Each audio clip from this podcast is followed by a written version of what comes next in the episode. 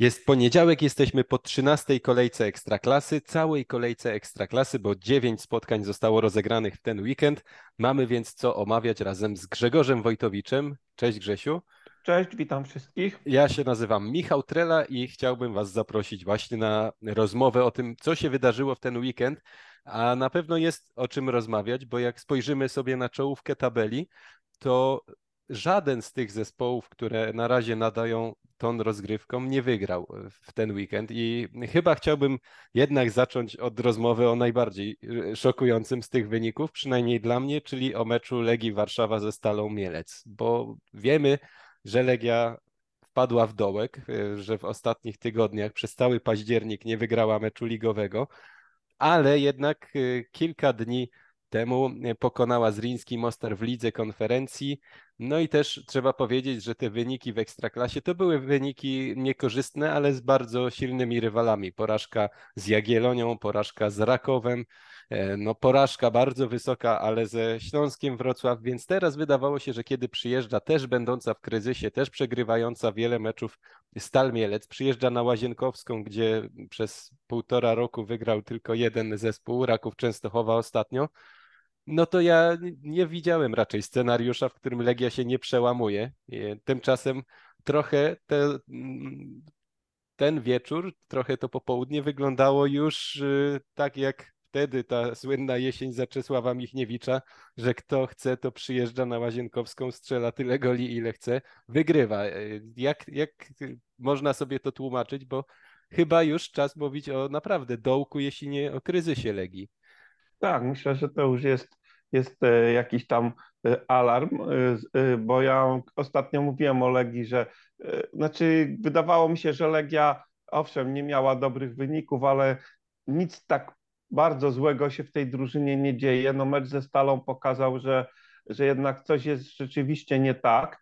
I, I jeśli drużyna w lidze przegrywa cztery mecze po kolei, to się mówi, w przypadku każdej drużyny o, o kryzysie, a w przypadku Legii, no to to już y, jest taki kryzys trochę no, wielkimi, dużymi literami, więc, y, więc rzeczywiście tak było. Ty mówiłeś, że to był najbardziej szokujący wynik dla ciebie. No oczywiście dla mnie w pewnym sensie też, ale gdy się tak popatrzy trochę na ostatnią historię spotkań y, Stali Mielec na Łazienkowskiej, to wcale to takie szokujące nie jest, bo przypomnijmy, że od kiedy Stal Mielec wróciła do Ekstraklasy, zagrała tam po raz czwarty, odniosła trzecie zwycięstwo i w każdym z tych wygranych meczów zdobywała minimum trzy bramki, więc, więc yy, to jest jakaś tam mm, powoli to tro, mała, trochę nasz, mała pro, nasz, problem, że zawsze jesteśmy tym zdziwieni. A, tak, a... jesteśmy z tym, tym zdziwieni, tymczasem jakoś nie wiem dlaczego, czy Legia może ten, tą stal lekceważy, czy y, no, no czasem tak bywa, no Legia też miała, ma, miała do dzisiaj, no teraz nie może tego poprawić, ale problemy z grą w Niecieczy, gdzie, gdzie też zawsze wydawało się, że jest faworytem i, i powinna łatwo zdobywać punkty, tymczasem przegrywała tam mecz za meczem, ile razy przyjechała, y, więc więc czasem takie jakieś sytuacje się zdarzają, natomiast no tutaj ta stal wydawała się już tak zdołowana, że ta Legia, która rzeczywiście potrzebowała zwycięstwa, nie mogła sobie na ten mecz, na przełamanie teoretycznie wyobrazić lepszego rywala. Tymczasem okazało się, że, że, że poniosła no, bardzo dotkliwą porażkę i to taką, która mogła w pewnym momencie było 0-3 przegrywała 0-3, a więc taki wynik już naprawdę no, wręcz dołujący. No, udało się tam jakąś jedną honorową bramkę zdobyć, ale, no, ale to niewiele poprawiło nastroje. No i można się zastanawiać dlaczego, bo tam ta Legia nie grała tego meczu w sposób jakiś tragiczny. To, bo tak mówimy o tym kryzysie Legii, że, że ta Legia no, rzeczywiście wpadła w dołek, z czym gdy się tak rozbierze na czynniki pierwsze wszystkie te mecze Legii, to one aż tak źle nie wyglądają, jak, jak sugerują te wyniki, no ale coś się w tej drużynie zacięło, no zacięło się co? No przede wszystkim to, co się y, gra defensywna, y, która po prostu no obrońcy Legii, nie tylko obrońcy, ale generalnie no, drużyna w defensywie popełnia mnóstwo błędów, y, daje się wyprowadzić w pole, natomiast wcześniej to też było, chociaż może nie w takim aspekcie aż, ale zdecydowanie lepiej funkcjonowała ofensywa. Ona nadrabiała te braki z tyłu. Natomiast teraz też zacięło się. Legia też ma problemy ze zdobywaniem bramek. No i przy błędach w obronie, które rywale bezlitośnie wykorzystują, biorą się takie, a nie inne wyniki. No, skąd się bierze gra taka słaba obrona Legii? No, myślę, że tam brakuje kompletnie stabilizacji jakiejś takiej, jeśli chodzi o skład personalny. Tam chyba ktoś wyliczył, ile w ilu zestawieniach ta trójka obrońców Legii wyszła i praktycznie co mecz to jest maszyna losująca. Nie ma tam żadnych automa automatyzmów, bo za każdym razem jest jakiś inny skład, ktoś wypada, ktoś inny wskakuje i, i, i ta formacja jest kompletnie taka zdestabilizowana według mnie. Tak, no właśnie, gdyby Legia miała zagrać jutro finał Pucharu Polski e, i wiadomo, wystawić najsilniejszą możliwą jedenastkę bez myślenia o tym, co za trzy dni, to miałbym trochę problem z, ze zgadnięciem, jaką obronę wystawiłby Kostaru Niaić. Kto, kto by się w tej trójce stoperów znalazł? To znaczy, pewnie powiedziałbym, że, że ta trójka wyglądałaby Pankow, no właśnie, Augustyniak albo Jędrzejczyk, ale już tu bym miał problem i Ribeiro, ale, no, ale bym miał duży problem i niekoniecznie bym trafił. Nie wiem, to, to rzeczywiście wygląda tak, że, że tutaj trudno mówić o stabilizacji, ale z drugiej strony Y, jak popatrzymy na skład, bo były często takie mm, wymówki przy tym, jak Legia traciła punkty, że wiadomo, rotacje, granie co trzy dni, nie było Josue, tak y, było w meczu we Wrocławiu. Tutaj Josue grał 90 minut. Okej, okay, nie było wszołka, ale wszedł w przerwie przy stanie 0-1. E, grał Muci, grał Tomasz Peckhardt, y, Eli Tim, Slisz, no, Jędrzejczyk. To naprawdę był bliski y, wyjściowemu y, skład Legii, a, a mimo wszystko y, Dlatego tutaj też nie znajduję takiego jakiegoś taniego wytłumaczenia, że no Stal wykorzystała to, że, że Kosta Runiaić akurat postanowił dać odpocząć wszystkim, którym mógł dać odpocząć. No tak naprawdę to wszołek z takiej żelaznej jedenastki siedział na ławce. No po, poza tym no jedyne jakiekolwiek wytłumaczenie, no to to, że grali ten mecz e, pucharowy w Mostarze, no, no Chociaż ja szczerze mówiąc nie widziałem po Legii jakiejś takiej, y, jakichś problemów fizycznych, zmęczeniowych. Legia grała z dużą, y, z dużą energią. To nie było tak, że, że ci piłkarze się snuli po boisku i tak dalej. No, brakło jakości, co jest to tyle zastanawiające, że ci piłkarze tą jakość pokazywali, ale od jakiegoś czasu mają problemy z pokazaniem jej. Muci po meczu z Aston Villą, gdzie e, już mu wróżono transfer do Premier League, e, niebawem za kilka milionów nagle no, stał się takim zawodnikiem, który no, gra, ale nie, niczym specjalnym się nie wyróżnia. Nie widać u niego jakiej, jakiejś tam wielkiej jakości, nie daje wiele drużynie. E, tak samo no też no Paweł Wszołek też no po fantastycznym starcie, po fantastycznych nie wiem dwóch miesiącach no złapał jakąś tam zadyszkę formy, nie, nie jest to już ten Paweł Wszołek e, właśnie z początku tego sezonu, gdzie, gdzie strzelał gole, asystował. No teraz troszkę słabiej. No, no, i, no i tak to się wszystko układa, że, że kilku piłkarzy no, nie utrzymuje tej formy, nie utrzymało tej formy z początku, co jest dla mnie zrozumiałe, jednak mimo wszystko oni powinni jednak z pewnego poziomu nie schodzić, a tymczasem coś tam się w funkcjonowaniu tej drużyny zacięło. Dobra, ale nie bądźmy jak te wszystkie programy o Ekstraklasie, tak. które rozmawiają tylko o tym, że Legia przegrała, bo Stal Bielec y, odniosła wielkie, naprawdę bardzo ważne zwycięstwo. Była po czterech porażkach. I, no i taka kalkulacja, która mówiła, że e, teraz jadą na Łazienkowską, potem jadą na mecz z Jagiellonią Białystok, e, która na swoim stadionie wygrała dotąd wszystkie spotkania. E, no i na koniec przed przerwą na kadrę mają mecz z Górnikiem Zabrze e, u siebie. No to zakładała, że Kamil Kiereś może być e, bardzo poważnie zagrożony tym, że, że to on będzie kolejnym trenerem w Ekstraklasie, który straci pracę. Zresztą już przy okazji meczu z Wartą Poznań w tym tygodniu, którego nie omawialiśmy, poniedziałkowego, przegranego u siebie, No już y, na trybunach w Mielcu dało się słyszeć takie głosy, że nie jest faworytem publiczności Kamil Kiereś, więc y, dla niego i w ogóle dla, dla Stali to jest arcyważne zwycięstwo, bo na bazie tego, nawet gdyby nie poszły im te dwa najbliższe mecze, czyli wyjazd do Białego Stoku, mecz u siebie z Górnikiem, to myślę, że będzie e, można w stanie no jeszcze, jeszcze utrzymywać spokój, bo zdobyli bardzo ważne punkty, bo seria e, niepowodzeń została przerwana, bo pokazali, że potrafią zagrać taki mecz, co, co daje nadzieję, że raz na jakiś czas będą punktować, że ten zespół żyje. E, trener też trochę pozmieniał w składzie, bo Zagrali bez młodzieżowca, zagrał Leandro w podstawowym składzie, zagrał Alvis Jaunzems pierwszy raz w podstawowym składzie, Krzysztof Wołkowicz, który zaczynał sezon w jedenastce, później kompletnie wypadł z łask, też zaczynał e, od pierwszej minuty, więc pomieszał trener Kiereś e, w jedenastce. E, no i trafił, bo trzeba powiedzieć, że Wołkowicz strzelił gola, Hinokio po wejściu z ławki też strzelił gola, no a bohaterem był Iliasz Kurin, który trafił na 1 do 0, zaliczył asysty i to był znowu mecz, w którym Białorusin się przebudził, bo on miewał takie już bardzo dobre występy.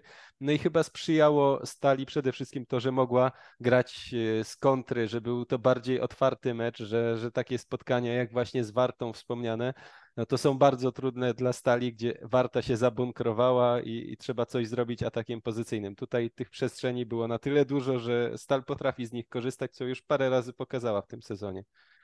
No, myślę, że to jest jedna, jeden z kluczy, do których y, Stal tam właśnie do, tak dobrze czuje się na Łasienkowskiej, to bez względu na to, kto jest jej trenerem, no, że potrafi, y, no, no jest to drużyna kontrataku, no jak wiele w Polsce drużyn, które gdy ma trochę przestrzeni, to, to potrafi to wykorzystywać. No rzeczywiście ja po tym meczu poniedziałkowym z Wartą yy, oglądałem, to rzeczywiście w telewizji ty ten mecz na żywo komentowałeś, byłeś w Mielcu, więc bardziej nawet te nastroje odczuwałeś, no ale ja sprzed telewizora widziałem taką trochę beznadzieję. Zresztą widać było, że trener Kiereś jest dość nerwowy na konferencji prasowej, takie mini starcie z dziennikarzem, to znaczy myślę, że to trochę było No ono jest akurat no, bardzo wyolbrzymione, bo jeśli, wyolbrzymione, jeśli, no, jeśli bo, nawet się zdenerwował, y, tak, to, no. to, się, to trwało to dwie sekundy. Poza tym I... ja myślę, że może bardziej to dla niego był to jakiś taki szok, że, że nie wiem, tam 14 czy 15-letni dziennikarz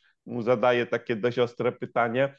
Tak, ale odpowiedział na nie merytorycznie, tak, ja tylko, za, tylko uważam, za, zaczął protekcjonalnie, ale się zreflektował. I... No tak, tak, także nie, nie myślę, ale, ale generalnie no widać było takie, e, że, że on, nie chodzi mi już nawet o to, mm, jak on tam, czy użył właściwych słów, czy nie, mniejsza z tym, ale, ale widać było, że tak, taki jest trochę skonfundowany tym, co się dzieje i, i, I, tu, co powiedziałeś, że to nie było takie, że dobra, brnę dalej w to, co jest, tylko no, rzeczywiście popracował nad tą drużyną, coś tam pozmieniał. Mm, takie trochę może nawet nieoczywiste wybory, ale, ale, ale to zadziałało. Także y, no, ja tak z zadowoleniem przyjąłem tą bramkę Wołkowicza, bo tak jeszcze jak przed sezonem rozmawialiśmy, to by, byłem bardzo ciekawy, jak on sobie będzie radził w ekstraklasie, czy to jest zawodnik na ekstraklasę, czy taki jednak y, wieczny pierwszoligowiec, który no, no, dostał szansę, no ale raczej odbił się od ściany w ekstraklasie. No, na razie się odbijał, ale może ten gol mu pozwoli uwierzyć w siebie i, i będzie dla niego jakimś tam, tam przełomem. No rzeczywiście, ja, ja, ja myślę, że gdyby, nie, gdyby Kamil kiedyś przegrał w Warszawie i przegrał w Białymstoku, to, to prawdopodobnie mielibyśmy zmianę trenera przed najbliższą przerwą na kadrę. No a tak to kupił sobie czas i myślę, że taki spokój trochę, bo, bo tak się trochę też sytuacja w tabeli układa, że że, że po prostu no, Stal się od tej strefy spadkowej trochę oddaliła. Tak, e, spłaszczyła nam się tabela po tej kolejce, chociaż e, gdyby inaczej się ułożyły wyniki, mogła powstać taka wyrwa między szeroką czołówką a całą resztą, ale nie powstała, została zasypana. Mówiłem, że faworyci mm, w tej kolejce nie wygrywali. Zastanawiam się, czy można tak powiedzieć, no bo mm, Pogoń Szczecin była najwyżej sklasyfikowanym zespołem, który wygrał w tej kolejce mecz y, i mimo wszystko chyba jeszcze Pogoń jest faworytem meczu z Jagiellonią. Chciałbym teraz y, o tym meczu porozmawiać, bo to było mm, tak jak się można było spodziewać, fajne widowisko, nie jakieś spektakularne, nie jakieś niesamowite wyczyny, ale myślę, że obie drużyny potwierdziły, że, że są mocne. E, I to, było, to są dla mnie bardzo ciekawe starcia, to znaczy Śląsk i Jagiellonia, grające z kimś e, z tego powiedzmy top 4 z ostatnich e, paru lat, e, to, bo właśnie to, ty, te dwie drużyny Śląski i Jagiellonia trzeba traktować jako pretendentów głównych do rozbicia tej czwórki. No i Pogoń tutaj e, jednak pokazała, żeby spokojnie, że, że Jagiellonia, która miała trudny tydzień, bo odrobiła trzybramkową stratę w Poznaniu, no trochę mimo wszystko potwierdzając, że, że trzeba się z nią liczyć, no to, to, to jednak została w Szczecinie trochę usadzona. No, nie było to może bardzo jakieś dotkliwe, prowadziła Jagiellonia, ale jeśli się spojrzy na to, ile było sytuacji, na, na to, że chyba jeden celny strzał w ogóle oddała Jagiellonia, nie ten, z którego strzeliła gola, bo bramka padła po samobójczym trafieniu Malca, e, no to udało się Pogoni jakoś utrzymać w ryzach Jagiellonię, z którą tyle drużyn już ma w tym sezonie problemy. Tak, no ten tydzień był bardzo intensywny dla Jagiellonii. W, środku tygodnia był ten zaległy mecz z Lechem. E, szkoda trochę tak, że pewnie go pominiemy y, w naszych ocenach, a to było naprawdę wielkie widowisko i takie potwierdzenie trochę, że ostatnio najlepsze mecze w Ekstraklasie to są te zaległe, bo mm, też fantastyczny mecz był y, nie tak dawno pomiędzy właśnie Pogonią, Pogonią Szczecin i Legią Warszawa, więc, więc tutaj też mieliśmy wielkie widowisko dramatyczne, niesamowite. Y, Jagiellonia w meczu w Poznaniu potwierdziła te aspiracje do czołówki, y, że, że one są uzasadnione, że nawet na wyjeździe z głównym faworytem do Mistrzostwa Polski postawi się, potrafi się postawić i to jeszcze wyjść z tak trudnej sytuacji, co właśnie nawet bardziej od y, co znamionuje jakąś tam klasę, no bo czasem drużyna gdzieś tam pojedzie, ułoży jej się mecz, wygrywa, natomiast jeśli drużyna, która przegrywa 0-3 w Poznaniu potrafi z tego wyjść i uratować punkt, to znaczy, że że, że to już jest w miarę dojrzała drużyna. Natomiast no, w Szczecinie już tak dobrze nie było. No, nie można też zapominać, że, że jednak no, Jagiellonia grała tam bez dwóch no, kluczowych zawodników w ofensywie. E, dalej nie gra Imas, wypadł jeszcze Pululu, więc więc oczywiście e, to były takie wyrwy, no aż ta kadra Jagiellonii nie jest taka mocna, żeby, żeby sobie na takie straty pozwolić i, i, no i też trzeba docenić Pogoń, która zagrała naprawdę bardzo dobry mecz. Pogoń generalnie jest ostatnio w bardzo dobrej formie, może za, za, zaliczyła taki trochę mniej interesujący występ w Gliwicach z Piastem, no ale też no, nie, był, nie było tam fajerwerków, no ale remis w Gliwicach to jest wynik, który każda drużyna raczej szanuje. Więc, więc tutaj z kolei zagrała znowu fajnie, efektownie, no i odniosła zasłużone zwycięstwo, może niezbyt efektowne, jeśli chodzi o rozmiary, ale według mnie całkowicie zasłużone i też pokazała taki charakter, bo też ten mecz jej się tak super nie układał, przegrywali po, po, po samobójczym golu, natomiast potrafili Y, to wyciągnąć. No i, i, też trzeba zwrócić uwagę na to, że y, coraz lepiej się spisuje defensywa pogoni, bo tak tutaj narzekaliśmy na defensywę Legii, tak samo będziemy narzekać jeszcze y, na defensywę Lecha, Poznań i paru jeszcze może innych drużyn. Natomiast pogoń ostatnio praktycznie nie traci bramek. No, a może nie, nie, nie, nie, nie, nie, znaczy bardzo mało traci bramek, to będzie bardzo, bardziej takie mm, właściwe określenie. I tutaj też no, ten gol samobójczy trochę pechowy, ale generalnie no, wpisuje się w defensywie coraz lepiej i, i, i to jest klucz do tego, że, e, że, że, są lepsze wyniki, no bo jak nie traci bramek w ofensywie ma naprawdę duży potencjał i, i go wykorzystuje, dzięki temu wygrywa.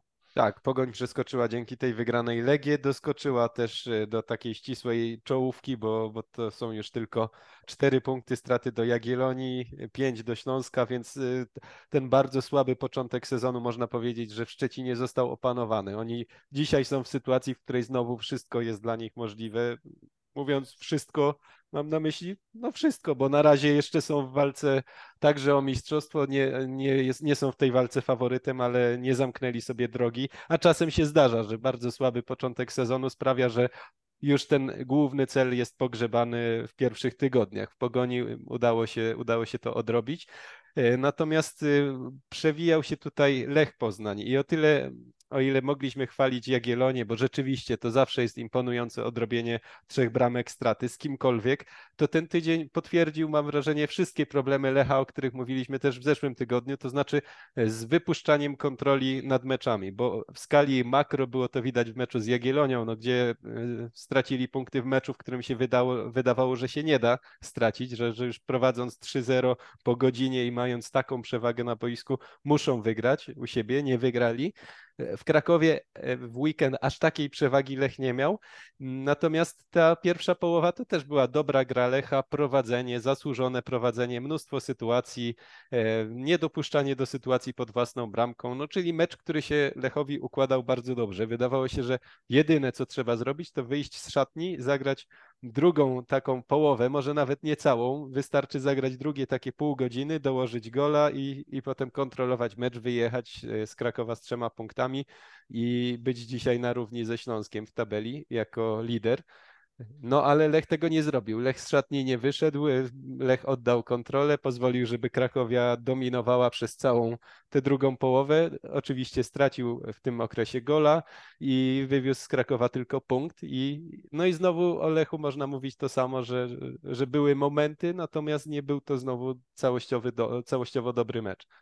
Lech według mnie przegapił taki bardzo y, korzystny dla siebie moment y, w sezonie bo gdyby, y, nie wiem, dowiózł te zwycięstwa z mm, Jagiellonią i z Krakowią, to, to mógłby uciec, odskoczyć od tych takich najgroźniejszych rywali. Oczywiście miałby tam Śląsk, Wrocław, ale, ale powiedzmy, że odskoczyłby, zbudowałby jakąś przewagę nad, nad Legią i Rakowem, czyli tymi teoretycznie najgroźniejszymi rywalami w walce o Mistrzostwo Polski. Tymczasem to w koncertowy sposób y, po prostu zawalił.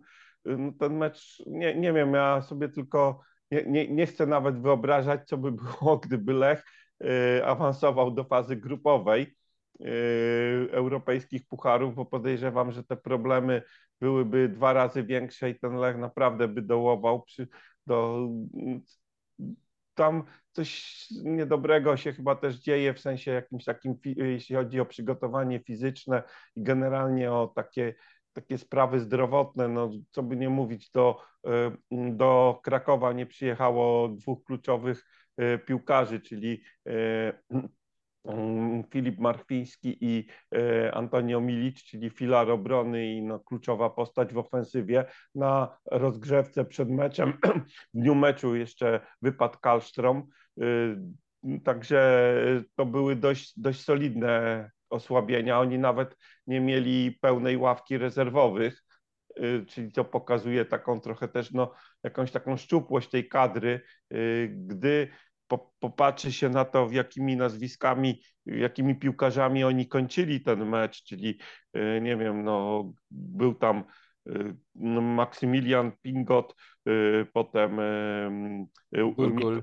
Google, y, y, tak. Wilak, to, to, to nie są ale też, ale też które... nawet jeśli są nazwiska tradycyjne, jak Alan Czerwiński, Elias Anderson, oni y, tak. nie kończyli na swoich pozycjach, tak. tylko na środku pomocy. Tak. No, Czerwiński wprawdzie już grał wszędzie w Lechu, Elias Anderson w Szwecji też grał na środku pomocy, ale to nie są ich nominalne pozycje, więc John Van Den Brom skorzystał mm. ze wszystkich właściwie, których miał na wszystkich możliwych pozycjach, na, na jakich mógł ich wystawić, a, a to jest zespół grający na jednym froncie, bo w Pucharze Polski jeszcze nie zaczęli przecież.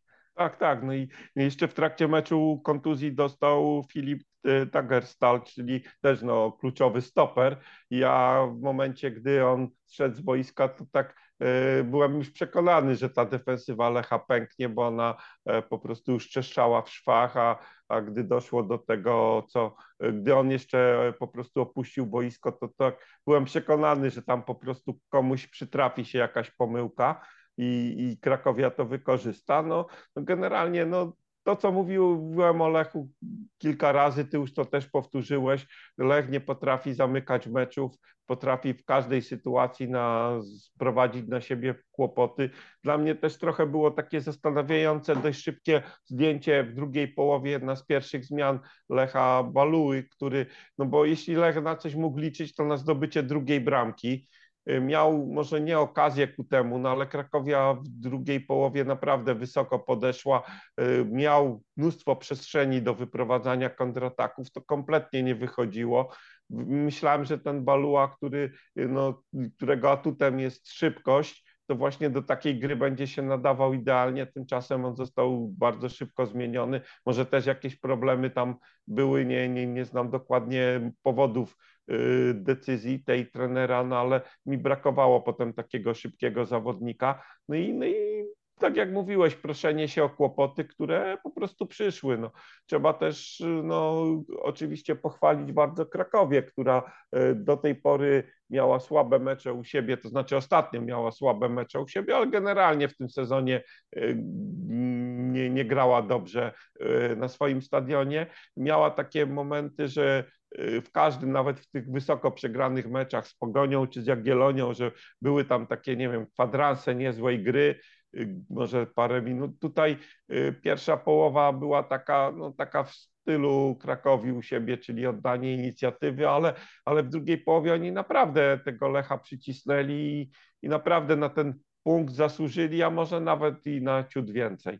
Tak, e, posadził Jacka, Jacek Zieliński i Kamila Glika e, na ławce rezerwowych. To było no w pewnym sensie zaskoczenie, w pewnym sensie odważna decyzja, bo dość szybko e, zdecydował się trener na taki ruch po, po miesiącu grania Glikiem.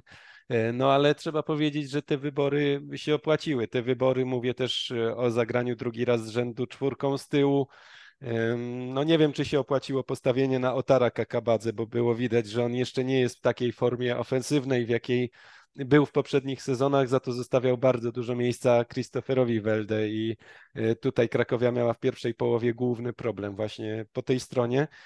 Natomiast cały czas, mimo że zgadzam się, że to jest taki krok do przodu dla Krakowi i jest to zdobycz, jest to mecz, na którym można budować, to cały czas mam poczucie, że to jest drużyna, która ma bardzo wiele problemów, że tam to, to wejście w sezon jest naprawdę trudne. Wejście w sezon, mówię, chociaż tutaj zbliżamy się powoli do końca rundy jesiennej, e, co tym bardziej pokazuje, że, że to może, mogą być bardzo trudne rozgrywki dla Krakowi. Już mówię sportowo, nie nawet organizacyjnie, bo wiemy, że, że przez problemy zdrowotne Janusza Filipiaka, no też nie wiadomo, jak, e, jak będzie sytuacja klubu wyglądać, ale patrząc tylko boiskowo, no to to jest dla mnie jeden z tych zespołów, które mogą się jak najbardziej zamieszać w walkę o utrzymanie jako taki nieoczywisty kandydat, który się co roku pojawia. Kreuje się jakiś zespół, którego nikt nie wskazywał, a który gdzieś tam na dole tabeli się plącze. No i Krakowia, mimo że miała lepszy weekend, to, to cały czas y, nie utwierdziła mnie w przekonaniu, że nie będzie miała nic wspólnego z walką o utrzymanie. Tak, no, no przede wszystkim trzeba czasem wygrać jakiś mecz, a Krakowia już bardzo dawno tego nie zrobiła. Na razie to, co Krakowie y, może mm, trochę uspokajać, jeśli chodzi o perspektywę walki utrzymanie, to jest taka no, fatalna postawa Beniaminków i to, że ta trójka kandydatów do spadku się coraz mocniej klaruje. Zresztą pewnie też o tym będziemy mówić w dalszej części, gdy przejdziemy do meczów Beniaminków. Natomiast no, rzeczywiście tam sytuacja nie, nie, nie wyglądała zbyt dobrze i dalej jakoś tam super nie wygląda. Jest trochę lepiej, 15 punktów, no ale, ale, ale to nie, nie, nie, jest, nie jest zbyt dobrze. Krakowia będzie miała jeszcze e, w tej rundzie takie mecze, e, w tym roku takie dwa mecze według mnie kluczowe dla niej z ruchem Chorzów u siebie i, i ze Stalą Mielec, więc to, to będą takie mecze, które według mnie no, bezwzględnie będzie musiała wygrać no, a w pozostałych próbować zdobywać punkty. No, trochę pocieszające jest, że mm, końcówka tego meczu to było sporo młodzieży na boisku, jeśli chodzi o Krakowie, bo szansę dostał Rózga, e, zawodnik, który no, teraz nie będzie mógł pomóc Krakowi w niczym, bo jedzie na Mistrzostwa Świata U17, no ale e, więcej minut dostał Myszor, także grał Śmigleski od początku e, dość długo, więc, więc jest tam jest tam po prostu trochę takiej świeżej krwi wprowadzonej, no ale jeśli chodzi o Krakowie, to też ty wspomniałeś o tym, że posadzono na ławce Kamila Glika i ta defensywa jak gdyby Y, grała bardziej stabilnie. Owszem, był, był pewien postęp, jeśli chodzi o skuteczność gry, natomiast. Nie, no ja tak myślę... naprawdę Madejski po prostu zagrał właśnie, znowu właśnie dobry mecz. Wyjąłeś no. mi to jak gdyby z ust, że, że, że po prostu y, te wszystkie braki, które dalej były według mnie w grze defensywnej Krakowi w postawie obrony, znowu zaczął nadrabiać Madejski, no, y, który po prostu miał dwie, trzy interwencje, takie, które uratowały drużynę przed przed stratą gola i tak praktycznie gdyby y, można sobie na przykład porównać ten mecz Lecha z Jagiellonii, z Jagiellonią, gdzie Jagiellonia oddała pięć strzałów i zdobyła cztery bramki i objęła prowadzenie 4 do 0 i załatwiła ten mecz. I tutaj tak samo można sobie było wyobrazić, że nie wiem, y, Welde nie trafia w poprzeczkę tylko do bramki, że tam jeszcze jeden strzał Isaka y, wpada do bramki, że jeszcze jeden strzał Welde świetnie obroniony przez Madejskiego, no nie udałoby mu się go obronić i nikt by specjalnie o to nie miał pretensji. I, zamiast 0-1 do przerwy byłoby 0-3 i, i chyba tym razem Lech już by tego nie wypuścił, więc, więc też wiadomo, gra była lepsza, wynik lepszy, ale y, wiele obaw związanych z grą Krakowi dalej pozostaje, tak jak mówiłeś i no, no, i, no i też y, myślę, że czekają jeszcze Krakowie w tym roku trudne chwile. Tak, no ja e, nie widzę tam wielu zawodników, którzy byliby dziś w formie. Oni są w stanie jakoś tam wyszarpać mecze, bo Gica trafi do siatki albo jakaś jedna akcja komuś wyjdzie, ale każdy z tych piłkarzy, nie wiem, Makuch, Kalman, Rakoczy, Oshima, no Kakabadze, no, na kogo by nie spojrzeć, to on już potrafił grać lepiej niż gra obecnie, niż gra w tym no, sezonie. I... To pierwsza, pierwsza rzecz, no mam wrażenie, że Krakowia chyba ma najgorszy atak w tak, tak. A teoretycznie były momenty też na początku sezonu, kiedy ta współpraca Makucha z no. Kalmanem no, zaczęła, zaczynała jakoś wyglądać. No, no wydawało się, no ale, ale chyba nie wiem, ruch chyba tylko ma, ma gorszy, jeśli chodzi o liczby. Tak. Zresztą e, najlepszym strzelcem jest, jest stoper, więc to. Tak chyba wszystko mówi. Tak, i to stoper, który ma trzy gole, a nie jak tak. Łukasz Sołowiej pięć, no bo to już byłby tak. przyzwoity, no, no, przyzwoity trzy gole to też jest wynik, ale byłby bardzo dobry. E, dobra, lećmy, lećmy dalej, bo mieliśmy jeszcze z zaskakujących e, strat punktów czołówki remis Rakowa z Widzewem. O ile Raków e, zalicza wpadki w tym sezonie, to robi to głównie na wyjazdach. Z Częstochowy dotąd tylko Warta Poznań wywiozła punkt. E, tutaj widzę wprowadził nawet długo, bo bardzo szybko strzelony gol. E, no i, i Raków, no można powiedzieć, wrócił do tego meczu, wywalczył remis, natomiast Twoim zdaniem z przebiegu gry, z tego, że widzę, objął prowadzenie, że Raków znowu miał problemy, był trzy dni po meczu w Europie, e, no to widzę, może trochę narzekać na ten remis, bo, bo oni oczywiście mieli zaległy mecz, teraz y, znaczy nie rozegrali meczu z ruchem Chorzów, więc Daniel Myśliwiec miał dużo czasu, taki mini okres przygotowawczy na poznanie zespołu, trzy tygodnie bez gry, wydłużona przerwa na kadrę. E, no i to jest jakaś zdobycz e, w Częstochowie, punkt z mistrzem Polski. Natomiast widzę, ma mało punktów. E, oni są w tej części tabeli, w której nie chcieliby być. Może gdyby zagrali z ruchem, wygrali ten mecz, to sytuacja by wyglądała inaczej. No ale nie przez przypadek zmienili tam trenera i, i, też nie jest to takie dobre wejście w sezon, więc traktujesz to jako jednak promyczek nadziei dla Widzewa i taki krok w dobrą stronę, mecz, za który trzeba chwalić? No, tak też nie do końca, bo y, no, Widzewowi się fantastycznie ten mecz ułożył. W zasadzie pierwsza akcja gol, więc y, można powiedzieć, że zaczęli już z jakimś bonusem, czyli odprowadzenia, ale, ale potem to nie był jakiś tam super mecz Widzewa. Generalnie przez cały czas byli zdominowani przez, przez Raków, który no, no, no, nie grał też bardzo dobrego meczu, ale, ale gdyby tego meczu nie, gdyby ten mecz przegrał, to uważam, że to nie byłoby to nie byłby zasłużony wynik. No, Raków grał, grał po prostu może słabiej niż potrafi, ale, ale jednak cały czas dominował. No, Graków w tym sezonie ma problemy związane z grą w ataku pozycyjnym, to widać. Zresztą zawsze je miał, tylko y, w tamtym y, w sezonie, może we wcześniejszych, chyba trochę więcej miał takich możliwości innych do otwierania, y, do przełamywania tej defensywy skomasowanej rywala. Y, chyba lepiej funkcjonowały stałe fragmenty gry i tak dalej, więc tutaj się udawało po prostu te obrony czasem skruszyć, gdy nie, gdy nie szło po prostu w ataku pozycyjnym, był jakiś tam inny inny element, który można było wykorzystać, a tutaj no takie było po prostu męczenie, męczenie, no i w końcu wcisnęli tego jednego gola, mogło byli bliscy pewnie zdobycia drugiej bramki, wywalczenia trzech punktów, ale no brakowało takiej jakości, cierpliwości, zwłaszcza tak jak sobie przypomnę te ostatnie minuty, ten doliczony czas gry, gdy, gdy po prostu zawodnicy podejmowali kilka, chyba trzy albo cztery kolejne akcje, gdzie były tak podjęte fatalne wybory, nieudane podanie, strzał zamiast podania i tak, takie, tak, taka, takie niechlujstwo w grze. No i to, to spowodowało, że Widzew y, utrzymał ten remis, ale generalnie Widzew mnie w tym meczu specjalnie nie zachwycił. Bronił się, wywalczył punkt, to naprawdę wywalczyć punkt w Częstochowie y, dla takiej drużyny, jak widzę, to jest spore osiągnięcie, za to trzeba pochwalić. Natomiast jakichś tam wielkich, nowych jakichś rozwiązań w ofensywie nie widziałem. Y, wydaje mi się, że jest trochę więcej takiego entuzjazmu w grze, takiego zaangażowania, od kiedy trenerem został od kiedy zmieniono trenera, natomiast, natomiast specjalnie dużo jakościo, jakoś, jakiejś jakościowej zmiany nie widzę jeszcze. Tak, no, znaczy na pewno trzeba powiedzieć, że e, mają problemy zdrowotne, bo dotąd przez dwa lata prawie ciągnął ich Bartłomiej Pawłowski, jego teraz nie ma.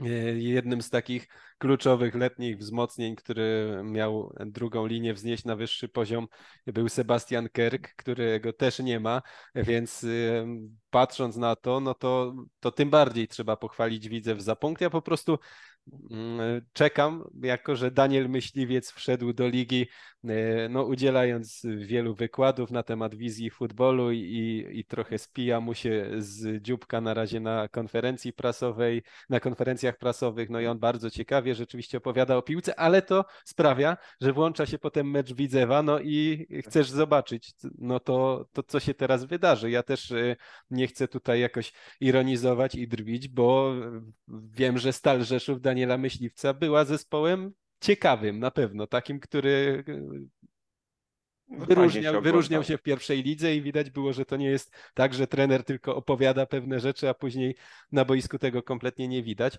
No ale tym bardziej właśnie po takiej długiej przerwie, jaką miał Widzew, y, no ciekaw byłem, czy będą jakieś e, tego typu elementy, no i, i czekamy dalej, nie, nie skreślamy, natomiast no, jeszcze to nie jest tak, że można powiedzieć, że już widać bardzo wyraźny podpis Daniela Myśliwca pod tą drużyną, natomiast no, zremisowanie w Częstochowie to na pewno jest dobry wynik dla Widzewa. E, no i teraz się zastanawiam trochę, no bo strata punktów Śląska, Wrocław z ruchem, Chorzów, biorąc pod uwagę, że Śląsk rozbił Legię 4-0, miał taką serię zwycięstw, e, jest świetny, no trzeba by uznać za niespodziankę, ale z drugiej strony, no ja miałem akurat przed takim tym meczem, który był inauguracją występu w ruchu na Stadionie Śląskim, E, no i meczem, w którym się spodziewałem, że Śląsk będzie musiał bardziej prowadzić grę właśnie na zasadzie tak przeciwieństwa tego, co dostali Mielec, mówiliśmy. No z Legią łatwiej się gra o tyle, że można właśnie skontrować, rzucić piłkę za obronę, a tutaj trzeba będzie sobie radzić na mniejszej przestrzeni, więc ja trochę się spodziewałem akurat problemów Śląska w tym meczu. Z drugiej strony, no nie da się też nie wspomnieć y, o tym, że Ruch strzelił dwa gole po rzutach karnych.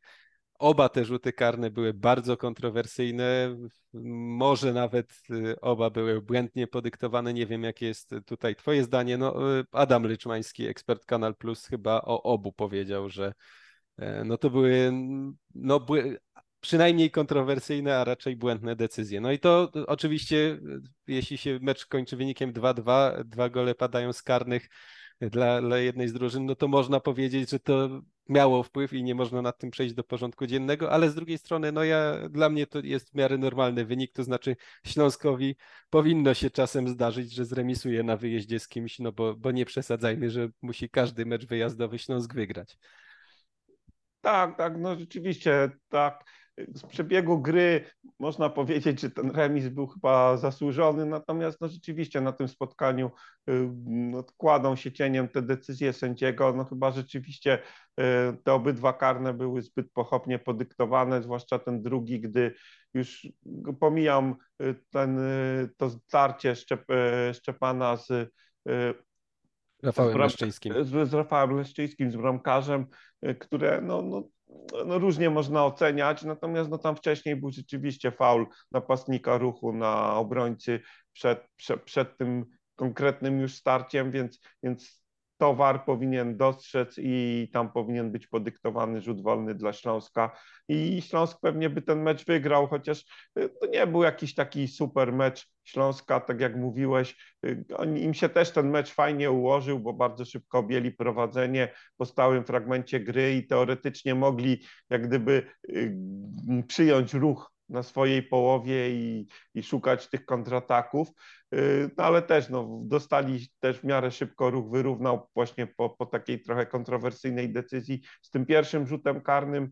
Y, no i, no i potem przeprowadzili, no, gdy dostali rzeczywiście trochę miejsca, trochę swobody, to ta akcja na 2-1 y, była naprawdę dużej klasy, piękna wymiana podań, wyprowadzona defensywa w ruchu w pole, no ale w drugiej połowie ten Śląsk no, bronił się bardzo mądrze przed chaotycznymi atakami ruchu, no ale też za mało według mnie zaoferował z przodu, bo, bo gdyby po prostu troszkę więcej jakości, trochę lepiej zagrał w ofensywie, to, to pewnie by ten mecz wygrał, a tak no, przydarzyła się im ta wpadka no, przy pomocy trochę sędziego, no i ruch dopiął swego, chociaż mówię, no ruch, ruch grał bardzo energetycznie, bardzo się starał, no wiadomo, po 14 latach liga wróciła na Stadion Śląski, 30 tysięcy widzów, fajna atmosfera, jakaś taka piłkarskiego święta, mobilizacja ogromna ruchu, natomiast no ten mecz też pokazał, jak no,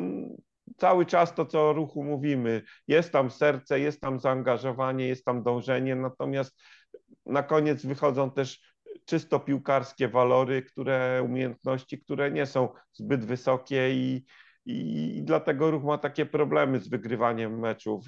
No ale, ale mimo wszystko no, w Chorzowie są z tego, co widzę, zadowoleni, no bo jednak punkt z liderem, z drużyną, która no, ostatnio dominuje w lidze, która notuje taką serię, dziesiąty mecz bez porażki, w, tym, w tej serii dziesięciu meczów osiem zwycięstw, więc no, no, no, punkt przyjęli z zadowoleniem, chociaż on niewiele poprawił ich sytuację w tabeli, no ale, no ale ruch, ruchu nie stać na wygrywanie, no to ciuła punkty przez remisy.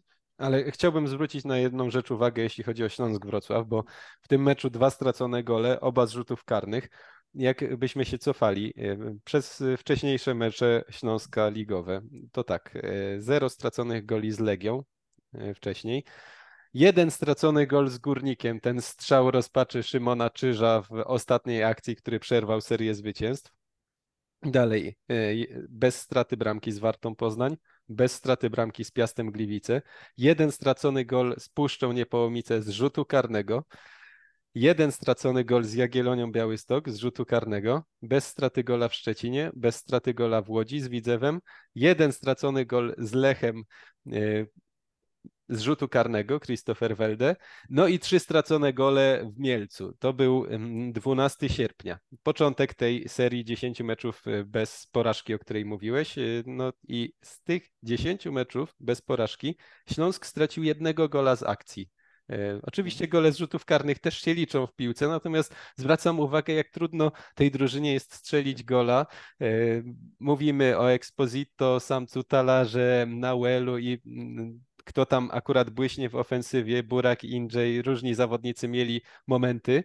Natomiast tak naprawdę to gdyby zostawić, y, co jest absolutnie najważniejsze dla dobrych wyników Śląska, to jest to, że tej drużynie się bardzo, bardzo trudno strzela gole. Jeden strzał Szymona Czyża e, w ostatniej akcji meczu z Górnikiem od 12 sierpnia. To jest, tylko tak się udało Rafała Leszczyńskiego pokonać i, i to jest absolutnie imponujące i, i, i to sprawia, że Śląsk nawet jeśli ma mecze, w których nie zachwyca, to jeśli nie prokuruje rzutów karnych, no to on przynajmniej te mecze remisuje i wspominaliśmy o tym, że ma bardzo dobrą obronę, ale tak nie uświadamiałem sobie, że aż tak rzadko gole z akcji traci i, i gdyby, gdyby odciąć trafienia z rzutów karnych, no to to byłaby jakoś po prostu absurdalnie e, dobra seria. Tak, no to rzeczywiście e, to, to, to, to jest fundament gry Śląska. Mm, no, nie, tra nie traci się bramek, a gdy się ma jeszcze z przodu takich zawodników właśnie jak wspomniałeś i tego Exposito, który no może tym razem nie, nie, nie, nie błysnął skutecznością, no ale też e, też, też no jest to napastnik, no, jeden z najlepszych w ekstraklasie, jeśli nie najlepszy w tej chwili, więc, więc no, to, to sprawia, że Śląsk jest liderem. Tak, mieliśmy w tej kolejce dwa mecze takie środka tabeli między sobą i jeśli pozwolisz, to akurat meczowi Warty Poznań z Piastem Gliwice aż tak wiele miejsca bym nie poświęcił, bo był to moim zdaniem typowy mecz Warty Poznań. E, typowy który... mecz Piasta. Typowy mecz Piasta, to znaczy zakończony remisem e, z przewagą optyczną Piasta. Tak, i, i e, żałowaniem, że tam w, ostatniej tak, minucie, tak, w ostatnich tak. minutach mogli strzelić tak. jedną czy dwie bramki. Więc jeśli tego meczu nie widzieliście, a, a generalnie znacie znacie drużyny Warty i Piasta, no to nie aż tak wiele straciliście. Jedyne, co warto wspomnieć, to Kajetan Schmidt, chwalony powszechnie, e, główny e, taki zawodnik mający potencjał sprzedażowy w Warcie, strzelił pierwszego gola z gry od pół roku, bo dotąd miał cztery trafienia w tym sezonie i wszystkie z rzutów karnych a Michael Ameyał e, zagrał po raz pierwszy jako środkowy napastnik, taka fałszywa dziewiątka, to ciąg dalszy poszukiwań rozwiązania problemów w ofensywie Piasta Gliwice przez Aleksandra Wukowicza wyszło no okej okay, o tyle, że Amejał strzelił gola, więc, y, więc jakoś, jakoś się tam odpłacił, natomiast problem pozostał, to znaczy Piast znowu y, wykreował więcej sytuacji niż strzelił goli, ale myślę, że tyle. Natomiast y, nietypowy miał przebieg mecz Zagłębia Lubin z Radomiakiem, a to był ważny mecz dla układu tabeli. Wspominałem o wyrwie, która mogła powstać między siódmym a ósmym miejscem. E, no bo gdyby Zagłębie to spotkanie wygrało, no to powstawałaby już taka czteropunktowa, jeśli dobrze liczę, różnica, no czyli byłoby już wyraźne oddzielenie takie, którego nie można jednym meczem, jedną kolejką odrobić, no takiej szerokiej czołówki od, od szarej masy ligowej, ale Radomiak się nie zgodził na wrzucenie go do szarej masy. Jako pierwszy w tym sezonie wygrał w Lubinie, no i Zagłębie chyba teraz dopiero ma problem, bo wyjazdy wyglądały fatalnie, ale u siebie potrafili przepychać mecze, wygrywać 1 do 0, a tutaj się nie udało. Tutaj przegrali 2 do 3. No i też ten wynik wygląda trochę lepiej już po 90 minutach, ale jeśli się spojrzy na przebieg, to było 2-0 dla Radomiaka po 15 minutach. E, potem było, e, no, potem przez moment Zagłębie doprowadziło do wyniku 2-2, no więc były różne e, momenty w tym spotkaniu, ale, ale generalnie było dużo więcej emocji niż zwykle w meczach Zagłębia u siebie, w ogóle niż zwykle w meczach Zagłębia w tym sezonie. Właśnie ty użyłeś tego określenia, że tam Zagłębie przepychało te mecze u siebie i rzeczywiście to były takie mecze, które no, po 90 minutach raczej szybko wypadały z pamięci i, i, i, nie wspominało się o nich latami. Natomiast tutaj wreszcie doczekaliśmy się jakiegoś tam widowiska, E, bo było to na miarę ekstraklasy niezłe widowisko. Przede wszystkim zwroty akcji, które no, zawsze się zapamiętuje, no i, i sporo emocji. Sprawa wynikła otwarta do końca. Ja nawet e, gdy Radomia gobią prowadzenie dość szybko 2 do 0, E, miałem takie jakieś wewnętrzne przekonanie, że to właśnie nie jest koniec emocji, że to wcale ta druga bramka nie zamyka meczu, jak to często trenerzy mówią, że gdybyśmy szczeli drugą bramkę, to zamknęlibyśmy mecz i, i byłoby po, po, po emocjach. Tu cały czas widziałem w Zagłębiu potencjał na wyrównanie, bo wbrew temu, że Radomia gobią prowadzenie 2 do 0, to Zagłębie całkiem fajnie grało w ofensywie i brakowało po prostu skuteczności. Sytuacje takie, które Chodyna na przykład bardzo często wykorzystywał, takie wbiegnięcie w pole karne i strzał w długi róg, taki trochę jego nawet znak firmowy, no tym razem y, nie do końca popisał się, nie trafił w bramkę, z czym wzbudził wściekłość Waldemara Fornalika, raczej taką niekontrolowaną reakcję, rzadko chyba u niego spotykaną, no ale, ale tak się stało, no ale cały czas tak po prostu podświadomie czułem, że to Zagłębie może wrócić do, do gry i, i zrobiło to, no ale no, niestety to był też taki mecz, w którym no, widać jak słabo spisuje się defensywa Zagłębia ostatnio. Na ten duet y, Kirkeskow-Ławniczak miał ogromne problemy ze współpracą. Pierwszy gol y, po prostu to obciąża tych dwóch zawodników, trzeci również zwłaszcza Kirkeskow miał ogromne problemy z szybkim tym Edim Semedo, który mu tam śmigał po skrzydle i widać było, że on y, po prostu za nim nie nadąża. To, że nie nadąża, to jedno, nie miał właśnie wsparcia, nie było podwojenia, nie było współpracy i pomocy ze strony stopera.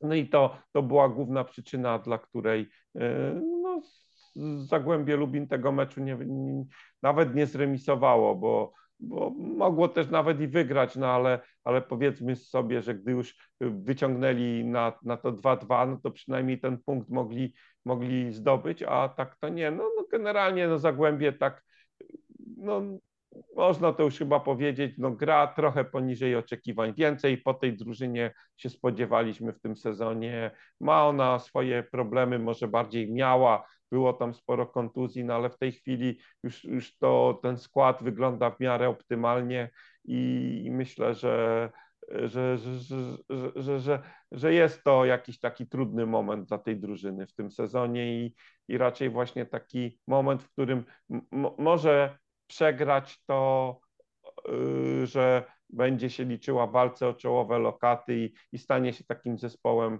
e, środka tabeli. Może tak, ale ja też mam cały czas z tyłu głowy to, że u Waldemara Fornalika e, te zimowe przygotowania zwykle to jest jego chyba największy atut, jeśli chodzi o, e, o drużyny, które prowadzi, że drużyny, jego drużyny zwykle wiosną wyglądają znacznie lepiej niż jesienią i, i jeśli uda im się dojechać na, w okolicach tego siódmego miejsca do zimy, to będzie całkiem niezła pozycja wyjściowa, żeby po, potem dobrą wiosną trochę postraszyć jeszcze czołówkę. Pytanie pytanie właśnie, czy nie potracą za dużo, czy teraz nie wpadną w jakiś dołek. Natomiast myślę, że i o Zagłębiu, i o Radomiaku można powiedzieć, że takie to są i takie to będą po prostu drużyny, które raczej nie będą seryjnie wygrywać ani seryjnie przegrywać, tylko no, raz wygrają, raz przegrają, raz zremisują takie drużyny środka tabeli. Chyba Konstantin Gylka trochę odgonił od siebie problemy, bo już przecież przed poprzednią przerwą na kadrę e, no wszystko wskazywało na to, że grał z ŁKS-em o posadę, wygrał ten mecz, y, no i można powiedzieć, że w trzech ostatnich spotkaniach siedem punktów zdobytych,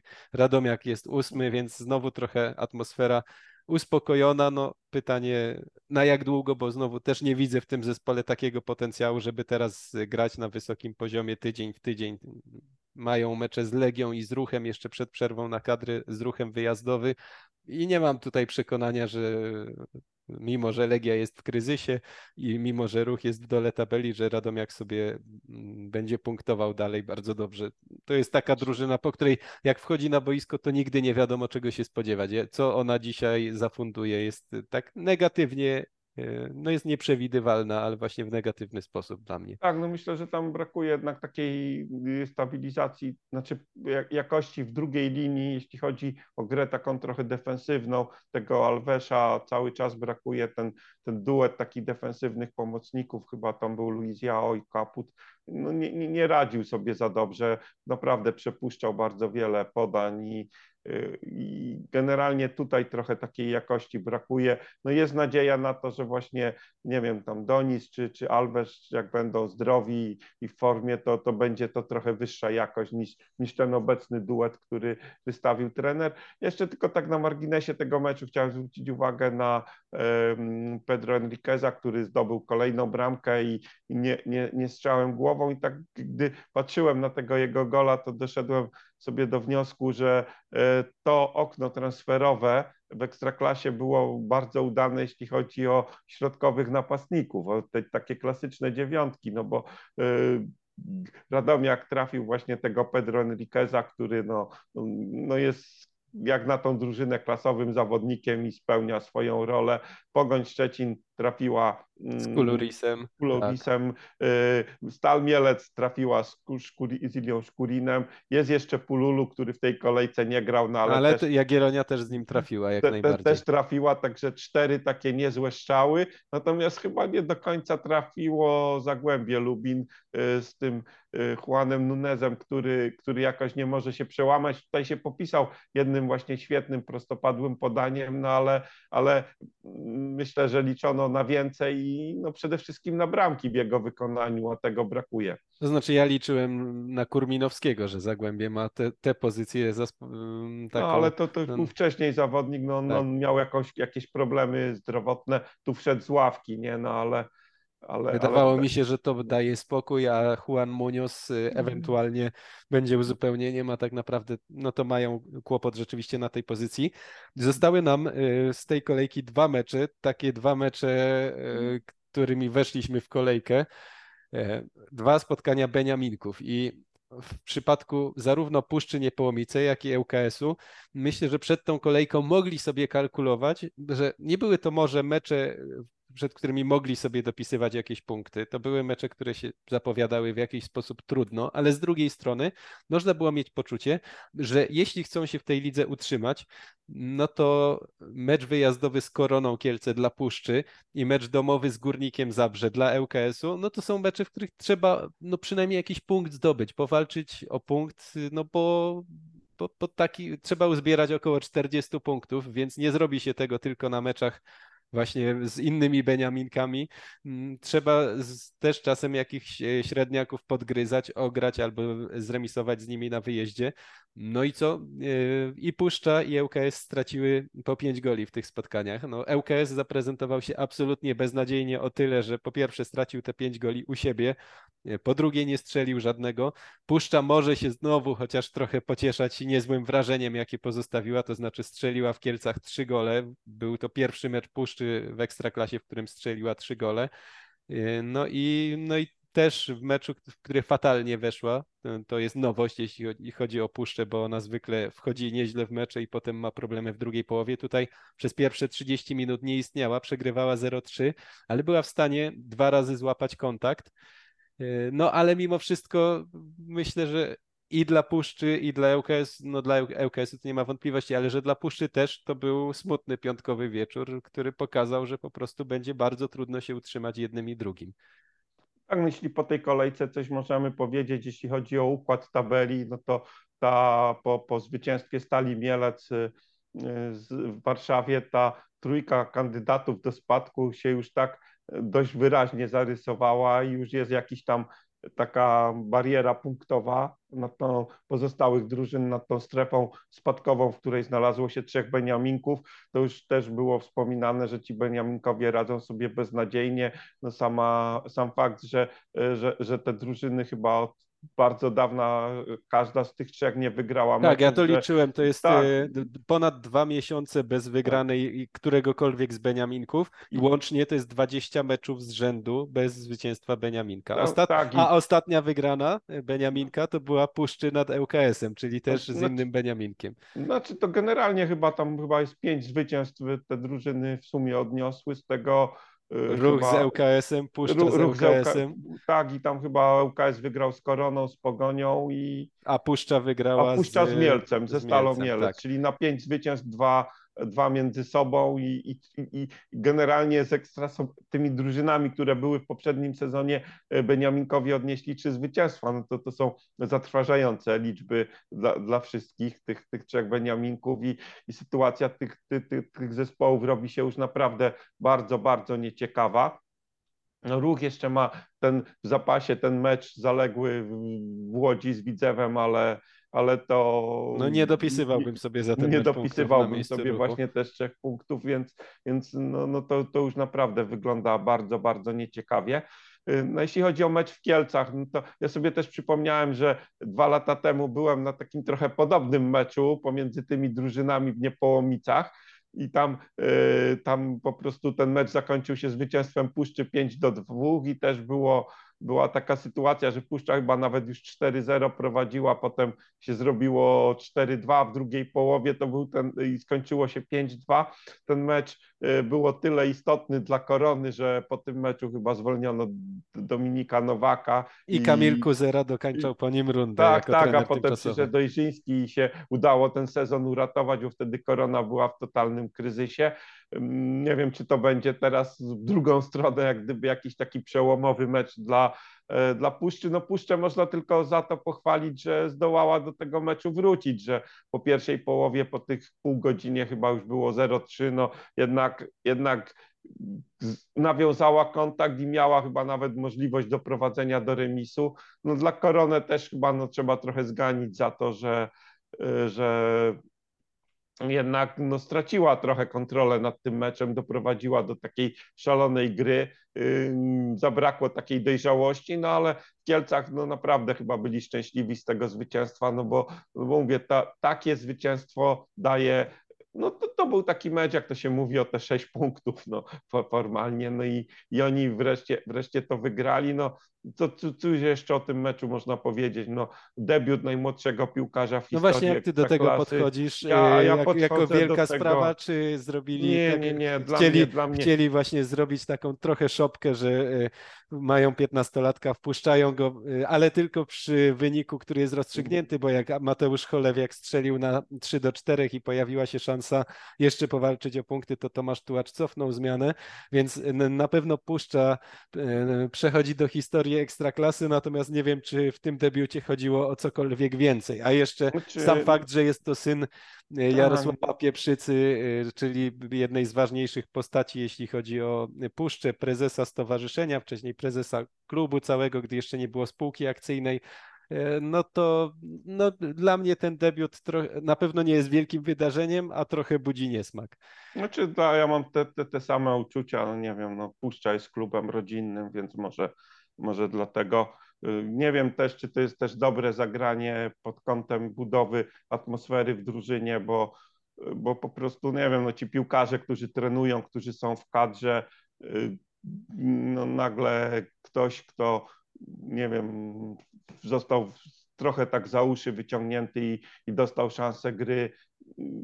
No pewnie, nie wiem, może jest to zdolny chłopak, może, bo, może, może rzeczywiście ma, ma możliwości, jednak ja nie wierzę, że y, puszcza, nie wiem, z piętnastolatkiem będzie y, walczyć o utrzymanie, że, że, że w dalszej perspektywie trener będzie na niego stawiał właśnie w jakichś tam kluczowych momentach. Dla mnie to było takie zagranie typowe pod publiczkę, nic nie wnoszące. Nie wiem, w zeszłym sezonie y, w Warcie Poznań zadebiutował w ostatniej kolejce Jędrzej, Jędrzej Hanuszczak. Hanuszczak. Do tej pory y, nie pojawił się na boisku. Jeszcze bardziej tamtą decyzję Warty rozumiem, bo to był chyba mecz w ostatniej kolejce, a więc czasami, czasami już wtedy... Tak, to się zdarzają takie zdarzają debiuty. Michał się takie Rakoczy właśnie, debiutował tak, w taki tak, sposób. Taki, no, ale... no tam czasami wtedy można tam jakiegoś chłopaka wynagrodzić, ale czy, czy, czy, to, czy to w ogóle ma, ma, ma jakiś sens, jeśli ktoś nie jest gotowy do gry w ekstraklasie, to, to, to no nie wiem, dla, dla mnie mówię, takimi zagraniami puszcza na pewno się przed spadkiem przed utrzym- na pewno nie obroni się w ekstraklasie, tak. nie utrzyma się. No, Dla mnie to... jeszcze ważniejsze niż to, że ci Beniaminkowie mają mało punktów i rzadko wygrywają, jest to, że nie widzę dla nich drużyny, która jest punktem zaczepienia, to znaczy gdzieś ponad nimi, że można by sobie kalkulować, ich wciągniemy pod powierzchnię, jak za chwilę zaczniemy wygrywać, bo gdyby tak spojrzeć poniżej powiedzmy Radomiaka, czy w okolicach Radomiaka, no to Radomiak właśnie od czasu do czasu wygra jakiś mecz, no ma trochę jakości. Górnik Zabrze, który tutaj broniłem od początku sezonu, że w końcu odpali, no to w końcu odpalił, wygrał z Rakowem, rozbił ŁKS, też pokazał, że jest tam trochę jakości. Stal Mielec, która może najprędzej wydawałaby się takim zespołem do wciągnięcia, no nagle jedzie na Łazienkowską, wygrywa, znowu się odbija. Piast punktuje gorzej niż gra, no ale też jest takie poczucie, że, że trochę za dużo tam jest dobrych zawodników i trochę za dobrze grają, żeby spaść. Widzew też mimo wszystko wydaje mi się znacznie lepszy od każdego z tych Beniaminków. Krakowia ma problemy, ale znowu więcej jakości. Korona, no też może wydawałoby się, że właśnie to jest punkt zaczepienia, ale widać było moim zdaniem różnicę klas, mimo że Puszcza tam wróciła do tego meczu, to po prostu Korona jest lepszym zespołem i personalnie, i lepiej gra w piłkę. No, no jest lepsza niż Puszcza, czyli na razie najlepszy z Beniaminków. No a Warta z kolei, jak to Warta, nawet jeśli nie gra wielkiej piłki, no to robi sobie w tygodniu cztery punkty, nie grając wielkich meczów i no i oni potrafią ciułać punkty, czyli robić to, czego Beniaminkowie nie potrafią. Beniaminkowie dostają czasem nagrody, no to znaczy pochwały w nagrodę za dobre występy, ale nie przywożą punktów. Warta rzadko dostaje pochwały, ale dość często zbiera punkty, więc no nie widzę, kogo tu można wciągać, a, a druga sprawa jest taka, że nie widzę też, żeby Beniaminek któryś zaczął nagle wygrywać, bo, bo puszcza to i tak właśnie najprędzej może chociaż pochwały zbierać. I to nie tylko dlatego, że oczekiwania wobec puszczy były najmniejsze przed sezonem, ale no, no, no w tych meczach puszczy jest, jest walka, jest, jest coś na styku, puszcza jest czasem blisko. Można sobie wyobrażać, że gdyby coś inaczej zrobili, coś się inaczej ułożyło, to puszcza by wygrała, zdobyła punkty. No a, a właśnie po meczu puszczy następuje to, co robi ŁKS i no i oni też wykorzystali już kartę, y, czyli efekt nowej miotły. Może Piotr Stokowiec pracując dłużej poprawi ten zespół, ale jego wejście do drużyny, o ile jeszcze były jakieś punkty zaczepienia po przegranej na Lechu, no to, to, to tragiczny jest y, teraz nastrój po, po pięciobramkowej porażce z Górnikiem u siebie.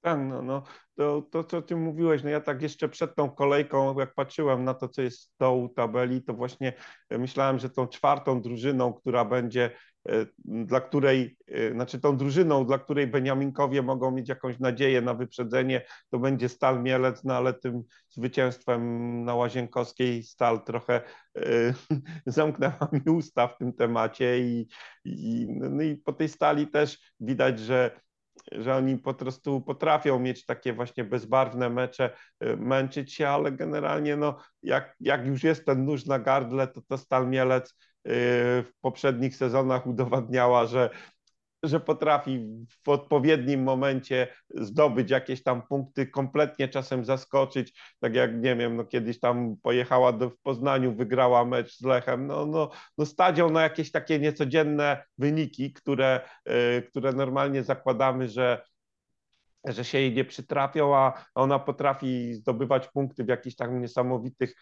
miejscach w Warszawie, Poznaniu, czy, czy wygrywać jakieś mecze, na których nikt w ogóle nie liczy, że, że może zdobyć punkty. Natomiast w przypadku Beniaminków tego nie widać. Natomiast już pomijając ten wątek, a wracając do UKS-u, no to, no to to była taka degrengolada. No nie wiem, czy po, tak, po takim meczu trener Stokowiec jeszcze coś poskłada w najbliższym czasie do kupy to wszystko, no bo, no bo to wyglądało rzeczywiście tragicznie. No może mieć tylko nadzieję, że już gorzej być nie może, no ale, ale to jest taka no, bardzo często złudna nadzieja, że, że w końcu coś tam się przełamie. Na razie na, tak. na, razie wygląda to bardzo, bardzo słabo. To był taki wieczór, po którym e, mówi się, że no to już trzeba zmieniać trenera. Problem w tym, że właśnie ŁKS przed chwilą go zmienił, e, więc ja się spodziewam jakichś takich teraz wstrząsów czy innego rodzaju, nie wiem, zmiana kapitana, e, zesłanie kogoś do rezerw, no, no jakichś takich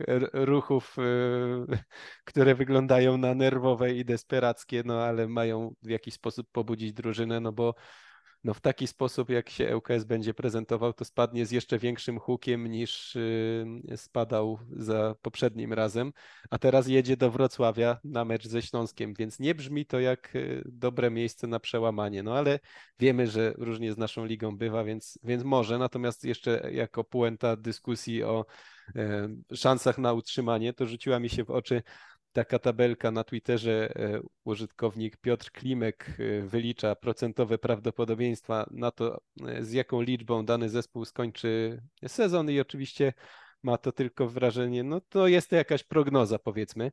No i z tych prognoz wynika, już nawet pomijając to, że wynika, że spadną wszyscy trzej Beniaminkowie, że to jest najbardziej prawdopodobne, ale punkty oczekiwane na koniec sezonu mnie uderzyły. To znaczy z tych wyliczeń wychodzi, że Ruch skończy sezon jako najlepszy z Beniaminków, mając 28 punktów. To jest y, oczekiwany wynik dla Ruchu. A ostatni bezpieczny zespół, którym ma być Widzew, będzie miał tych punktów 37, czyli 9 punktów różnicy między 15 a 16 miejscem. To wynik, e, znaczy z tego wynika, że na razie e, nic nie wskazuje na to, żebyśmy mieli mieć w tym sezonie walkę o utrzymanie. Wygląda na to, że będziemy mieli szeroki środek do 15 miejsca i trzech maruderów, którzy bardzo wyraźnie odstają. Zobaczymy. Ja tylko mam nadzieję, i, I, tym chciałbym zakończyć, że e, taka słaba dyspozycja Beniaminków nie uruchomi u nas dyskusji na temat reformy systemu rozgrywek, bo e, za dużo drużyn awansuje, albo za dużo spada, albo coś tam. E, chciałbym, żebyśmy się na jednostkowych przypadkach nie opierali i nie wyciągali za daleko idących wniosków, no ale spodziewam się, że z, każdym, z każdą taką kolejką, jaką mieliśmy teraz, pojawienie się tego tematu jest tylko kwestią czasu, więc y, no, oby nie. Oby no to... nie, no ja jeszcze tylko Aha. Y, chciałem dodać, że chciałbym, żeby takich kolejek jak e, ta było więcej, bo padło w niej chyba 35 bramek i to jest chyba najlepszy wynik w kolejce w formule 18-zespołowej. Więc, tak, a to, to więc, naprawdę duża sprawa. No. Więc y, co by nie mówić, najbardziej jednak lubimy oglądać bramki przy całym szacunku dla gry defensywnej, zwłaszcza defensywy Śląska. Tak jest. Dobrze i za, dziękujemy już w takim razie za nasze dzisiejsze spotkanie. Znowu mamy tydzień z polską piłką, bo nie ma meczu poniedziałkowego, za to jest jedna szesnasta finału Pucharu Polski, więc znowu się będzie działo dużo, znowu mecze co trzy dni, jakieś niespodzianki a to tylko zwiastuje wiele tematów. Na przyszły poniedziałek y, spotkamy się znowu w tym samym składzie co dzisiaj, czyli Grzegorz Wojtowicz. Dziękuję bardzo. I Michał Trela, dziękuję bardzo i zapraszamy do słuchania naszych kolejnych odcinków. Pozdrawiamy.